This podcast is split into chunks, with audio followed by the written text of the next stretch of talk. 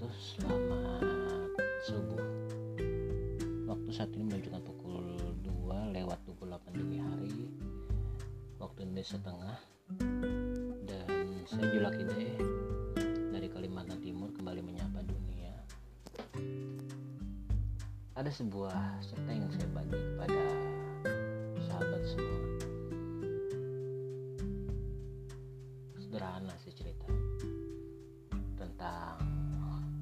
diskusi bagaimana sih bagi uh, rekrutmen tenaga kesehatan yang ada di Kabupaten Kertanegara.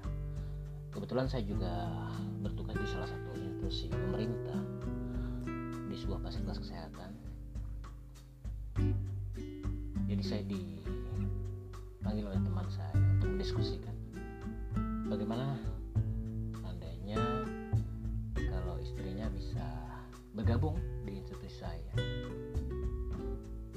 saya sampaikan saja. Ada beberapa ketentuan untuk rekrutmen tenaga khususnya kesehatan. Yang pertama untuk saat ini memang fasilitas kesehatan kami membutuhkan tenaga tersebut secara langsung. Dikarenakan memang tenaga kesehatan yang ada di fasilitas kami saat ini sudah cukup memadai. Tapi ya tetap uh, teman saya itu menginginkan agar istrinya bisa bergabung bersama kami untuk bisa memberikan pelayanan di masyarakat. Ya, saya memberikan beberapa opsi.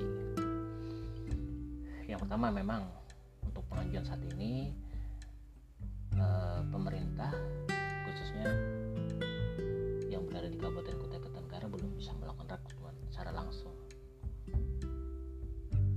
sehingga usulan yang dilakukan mungkin dalam bentuk rekomendasi dari pejabat langsung di fasilitas kesehatan. Yang kedua bisa mungkin dilakukan dengan rekrutmen dengan anggaran dari pusat.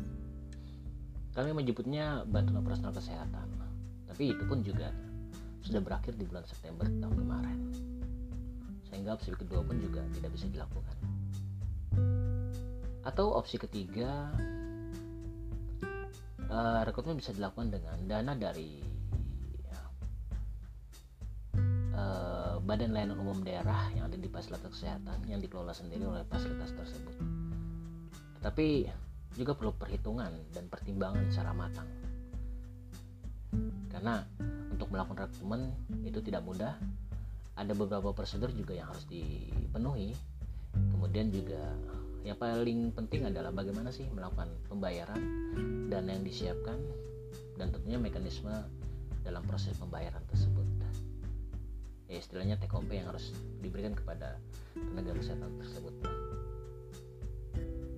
Tapi tentunya hal tersebut tidak bisa tidak menutup kemungkinan untuk kita bisa tetap mengabdi memberikan layanan kesehatan atau memberikan layanan kepada masyarakat dengan opsi lain. Banyak.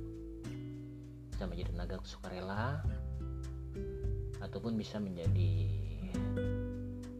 tenaga lepas. Ya tapi untuk beberapa hal itu tetap dengan pertimbangan yang tidak mudah. Karena tentunya berada dan bekerja di sebuah fasilitas kesehatan pemerintah adalah tetap dengan mekanisme dan pertimbangan dari atasan langsung. Ya, akhirnya kami menutup diskusi dengan kesimpulan uh,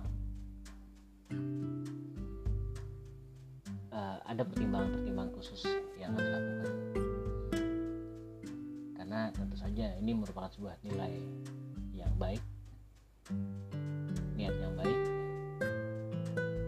agar tenaga kesehatan yang ada bisa mengabdikan diri dan tentunya peningkatan layanan kesehatan di fasilitas kesehatan yang ada di tempat saya bisa lebih optimal. Oke itu cerita hari ini mudah-mudahan bermanfaat dan mungkin buat teman-teman yang ingin menyampaikan